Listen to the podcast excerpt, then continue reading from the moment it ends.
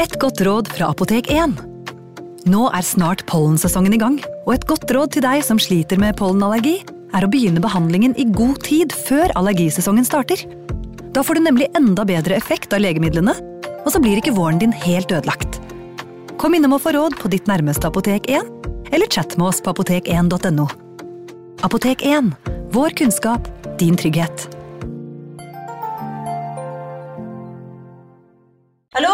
Jeg kommer fra Oslo politikammer. Ine Jansen er purk. Er du purk? The motherfucking bitch. Alt jeg vil, er å finne ut hva som skjedde med mannen min. Jon Carew. Er jeg sikta for noe? Iben Akeli. Det er du.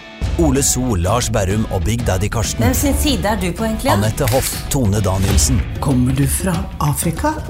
Jørnis Josef, Nesten. Kløfta. Trond Espen Seim, Det er synd å si det, men det var feil mann som døde. Purk. Premiere tirsdag på TV2 Play.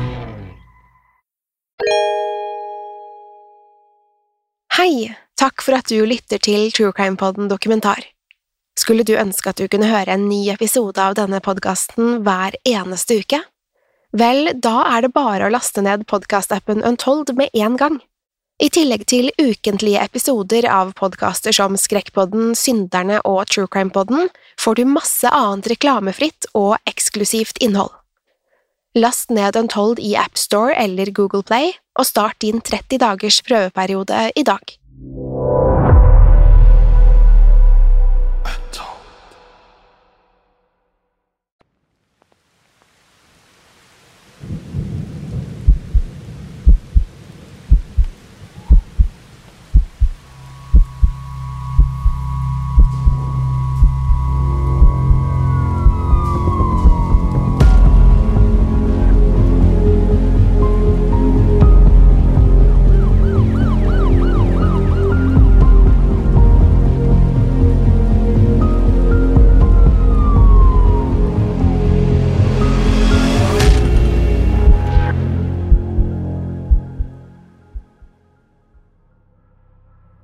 til 8. mars 2014.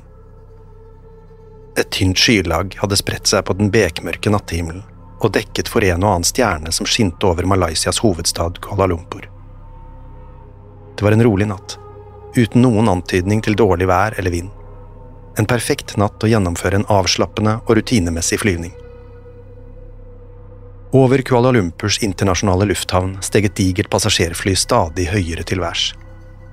Flyet hadde akkurat lettet fra rullebanen, men var allerede hundrevis av meter over bakken. De blinkende lysene på flyets vinger og hale var det eneste som fremdeles kunne skimtes fra tårnet på flyplassen. Om dagslyset hadde skint på flyet, ville man kanskje sett det velkjente designet til Malaysia Airlines. I solskinnet lyste nemlig de røde og blå stripene langs flykroppen opp.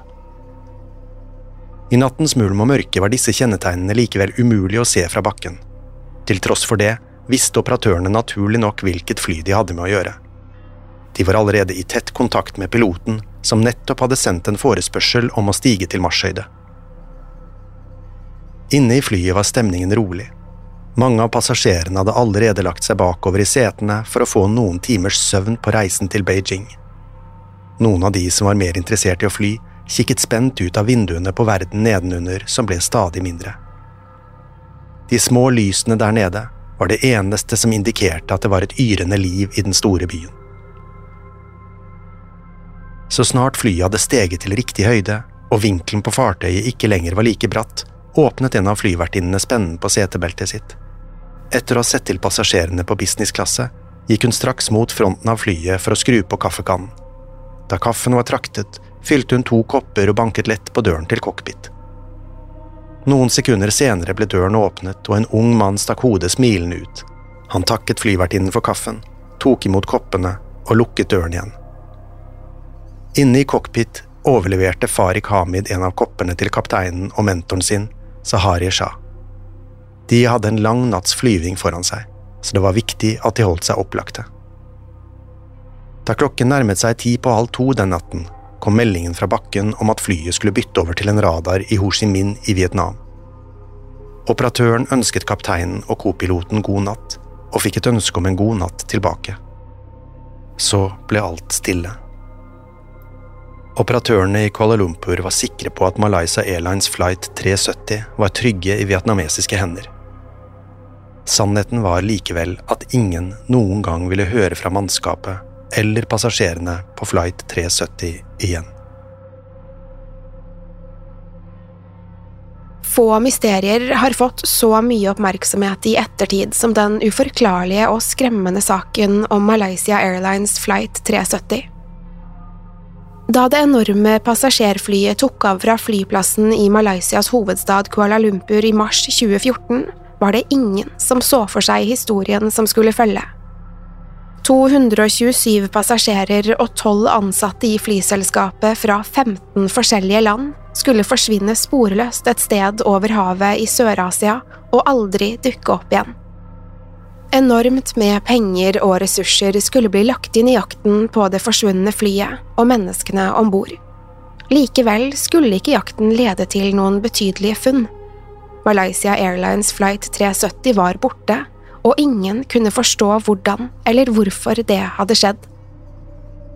Mysteriet om det forsvunne passasjerflyet skulle føre til en rekke teorier og spekulasjoner, den ene villere enn den andre. Likevel er det ingen som med sikkerhet kan si noe som helst om hva som egentlig skjedde med det digre flyet.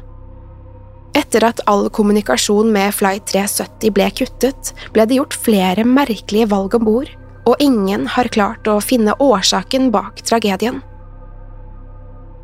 Et over 60 meter langt fly hadde forsvunnet sporløst og kunne ikke plukkes opp på en eneste radar. Historien om det forsvunne flyet starter likevel relativt normalt med en av verdens tryggeste flymodeller. Fartøyet som skulle få flight nummer 370, var et fly av klassen Boeing 777-200 ER, populært kalt en 777. Det amerikanskproduserte luftfartøyet var blant de største i verden i sin klasse, en tittel modellen fremdeles har den dag i dag. Med sin brede kropp kan noen av 777-flyene ta opptil 550 passasjerer og tusenvis av kilo med gods. Den berømte flymaskinen er designet for langdistanseflyvinger og er en av Boeings største stoltheter. Mange av verdens aller største flyselskaper sverger fremdeles til Boeing 777-serien i dag, deriblant Emirates, Qatar Airways og American Airlines. Helt siden de første eksemplarene rullet ut av produksjonshallen i 1994, har bestillingene fortsatt å strømme inn. Med tiden har oppgraderte versjoner dukket opp for å svare med samtidens teknologi, men basen for 777-serien har forblitt den samme. Flyet som Malaysia Airlines kjøpte, og som ble tildelt nummer 370, var ikke noe unntak fra regelen. Fartøyet var enormt, med to digre Rolls-Royce Trent 892-motorer og en maksimal kapasitet på 282 passasjerer. Flyselskapet hadde kjøpt farkosten i mai 2002, og siden den gang hadde den fløyet over 50 000 timer. Dette er et tall som kanskje kan virke svært høyt, men flyet var langt ifra å gå ut på dato. En vanlig Boeing 777 har en levetid på omtrent 25 år, så lenge den får regelmessig tilsyn, slik som fly skal ha.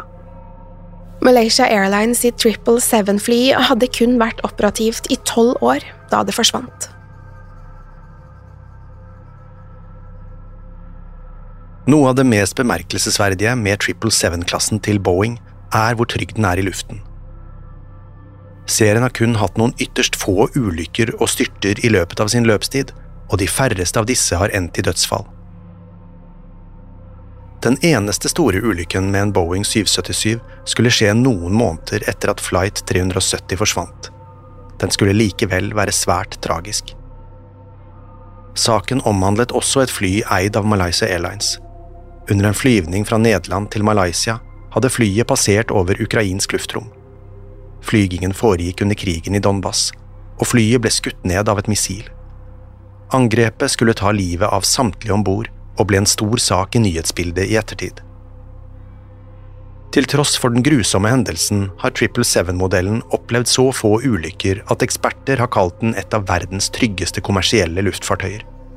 Innen 2021 skulle kun åtte av totalt over 1600 fly av denne typen havarere, enten i luften eller på bakken.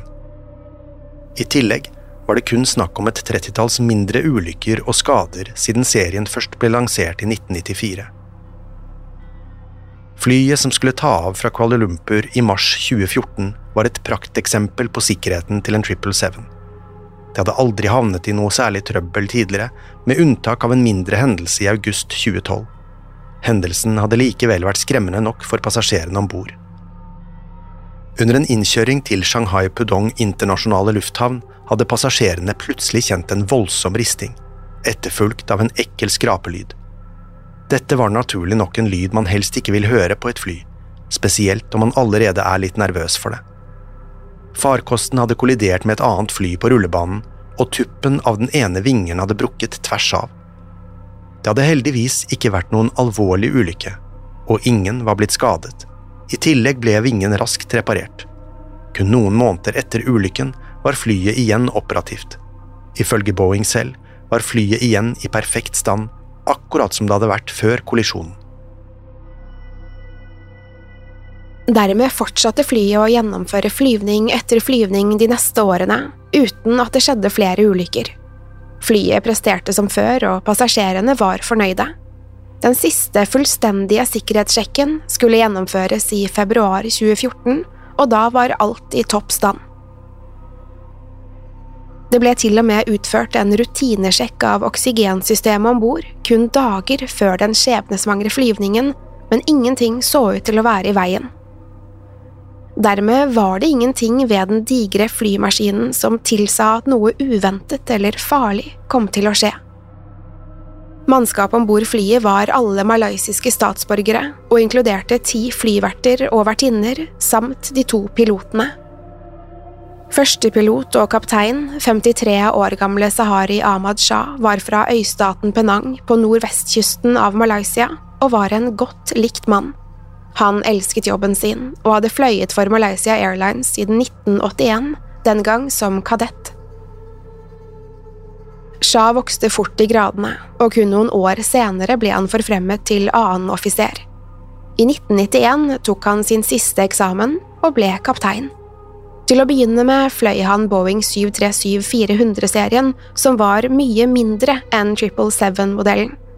Deretter gikk han over til å fly Airbus A330-300, før han til slutt fikk kommandoen på en Boeing 777 i 1998.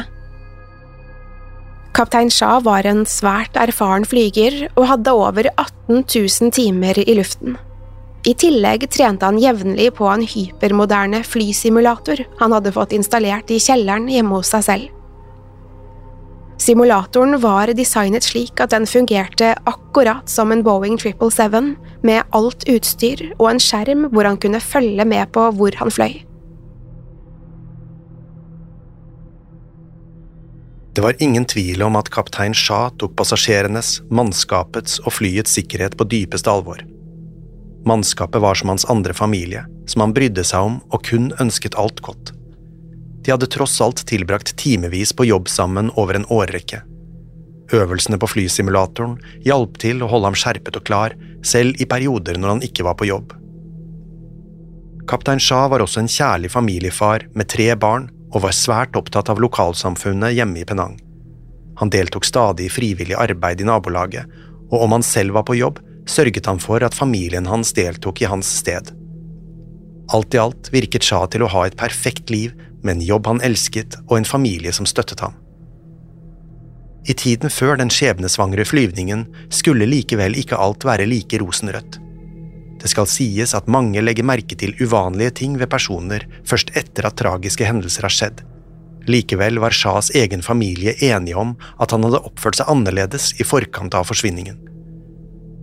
Shah så ut til å ha mistet interessen for familien sin og for det frivillige arbeidet som en gang hadde vært så viktig for ham. Han tilbrakte stadig mer tid for seg selv i kjelleren med flysimulatoren, og ville ikke ta imot besøk der nede, selv ikke fra sin egen familie. Hva som forårsaket det plutselige og merkelige skiftet, var det ingen som riktig visste. Likevel skulle det resultere i at Shahs kone og barn fikk nok, og flyttet ut dagen før den mystiske forsvinningen. At skilsmissen hadde gått inn på Shah var det ingen tvil om. Til tross for det var han regnet som en svært profesjonell mann som aldri ville la personlige affærer påvirke prestasjonene eller dømmekraften sin på jobb. Sammen med Shah i cockpiten var førsteoffiser og kopilot 27 år gamle Farik Abdul Hamid. Tross sin unge alder var han allerede en erfaren pilot og var blitt forfremmet til førsteoffiser i 2012. Kaptein Shah var Hamids mentor og læremester. De hadde flydd sammen en rekke ganger, og Shah lærte Hamid alt han kunne.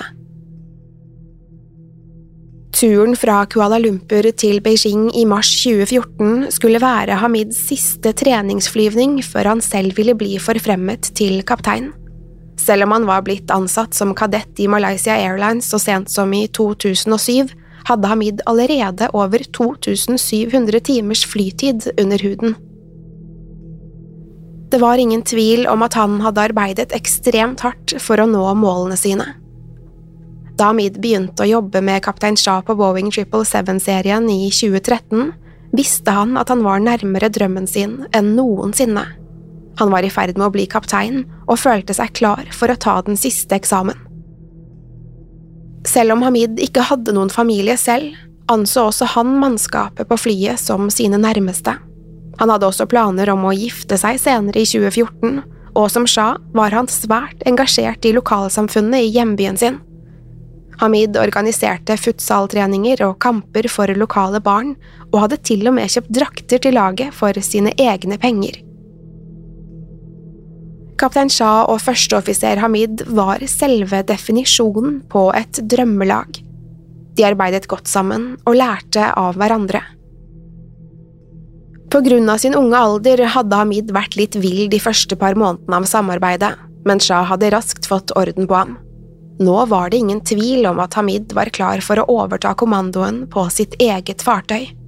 Alt som gjensto, var én siste flyvning.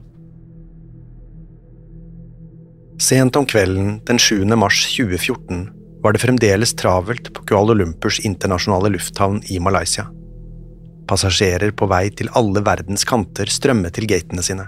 Folk handlet i kiosker og spiste på restaurantene på flyplassen, og alt var som det skulle. Blant de mange på flyplassen var det 227 passasjerer som alle skulle med Malaysia Airlines flight 370 til Beijing med nattflyet. Over 150 av dem var kinesiske statsborgere som var på vei hjem etter et opphold i Malaysia. Resten var passasjerer fra en rekke andre land som av en eller annen grunn hadde noe de skulle i Beijing. Blant dem var det både amerikanere, australiere, franskmenn, canadiere, indere og indonesere, for å nevne noen få. Flere av passasjerene som nå hastet mot gaten, var ikke noen hvilken som helst reisende heller. 19 av dem var fornemme kinesiske kalligrafer som var på vei hjem etter en utstilling i Kuala Lumpur. Flere av dem hadde reist med familiene sine for å overvære den ærefulle utstillingen. Ellers var passasjerene fra alle slags land og bakgrunner. Det var nygifte på bryllupsreise, forretningsreisende som hadde deltatt på konferanser, familier og barna deres. Passasjerene flokket sammen rundt gaten med flight nummer 370 og riktig destinasjon på. De pratet sammen, sendte meldinger og ringte hjem til familie og venner, tok bilder sammen, eller bare ventet på å få gå om bord. Ingen virket redde, nervøse eller bekymrede, med unntak av de få som allerede hadde litt flyskrekk. Ingenting vitnet om at noe var i ferd med å skje, som ville snu hele luftfartsmiljøet på hodet og få en hel verden til å undre.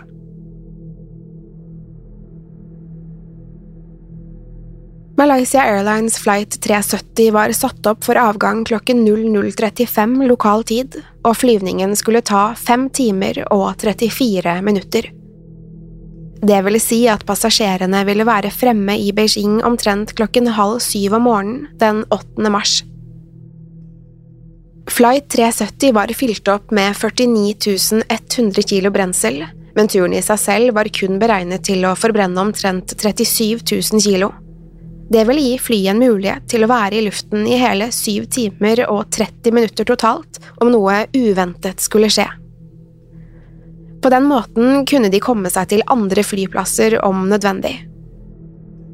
Alle forholdsregler var tatt i tilfelle nødsfall, slik rutinen var på alle Malaysia Airlines flyvninger.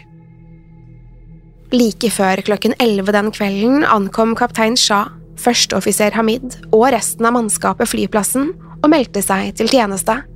Så snart alle papirer var i orden, fortsatte de mot gaten, gikk om bord i det ventende flyet og begynte å forberede avgang. Ved midnatt var alt klart for ombordstigning, og gaten ble åpnet for de 227 passasjerene. Dermed strømmet de reisende til og begynte å finne frem pass og billetter. De første som fikk gå om bord, var passasjerene på businessklassen. Der kunne passasjerer betale ekstra for god benplass og behagelige seter, trukket i et vakkert blått og mønstret stoff. Så snart businessklassepassasjerene var på plass, åpnet gaten for resterende passasjerer. Hver og en av dem fikk pass og billett undersøkt før de fikk slippe inn på flyet, og alle ble klarert for avreise. Alt var som det skulle, og like før klokken halv ett var alle passasjerene om bord og klare for å dra. Med ett kom kaptein Shahs stemme over høyttaleranlegget. Med stødig og beroligende røst, slik han alltid hadde, introduserte han seg selv og Hamid før han ønsket passasjerene velkommen om bord. Deretter fortalte han litt om flyvningen, hva passasjerene kunne forvente seg og når de regnet med å lande i Beijing. Mens passasjerene spente setebeltene og kabinpersonalet demonstrerte alt av sikkerhetsrutiner om bord, fikk kaptein Shah grønt lys fra tårnet for å rygge ut fra gaten. Ti minutter senere var flight 370 på rullebanen, klar for avgang. Kaptein Shah ba kabinpersonalet sette seg for avgang, og så snart de hadde gjort det, satte flyet opp farten.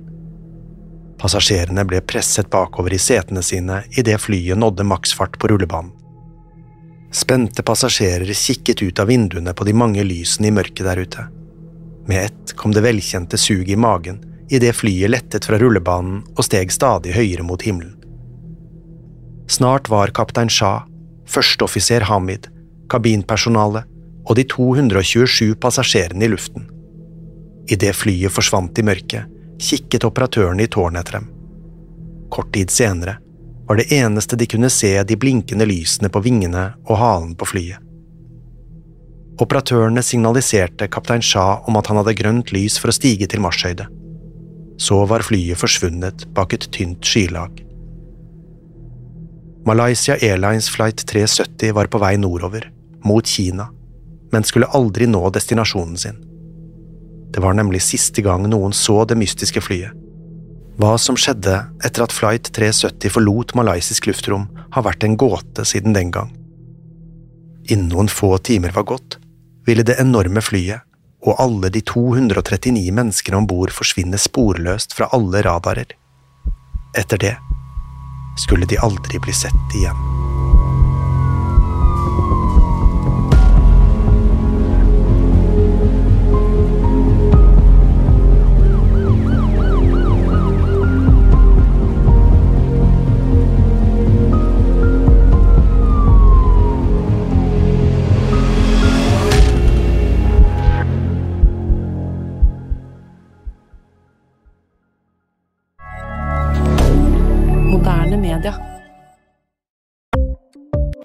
Ukens annonsør er Folio, en smartere banktjeneste for deg som har en egen bedrift eller ønsker å starte for deg selv.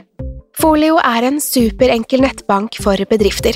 Som kunde i Folio får du en bedriftskonto med et bedriftskort og app.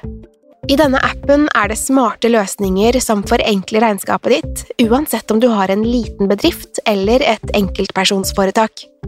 Folio er både intuitivt og brukervennlig, og er laget med et enkelt språk. I tillegg tilbyr de forutsigbare priser og ingen skjulte gebyrer. Skulle du likevel trenge det, så kan du snakke med deres raske og hyggelige kundeservice, og der får du prate med en faktisk person og ikke en chatbot. Folio er med andre ord både enklere og koseligere enn banken.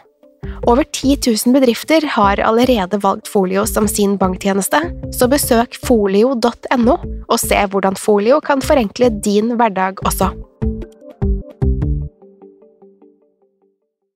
Har du et enkeltpersonforetak eller en liten bedrift?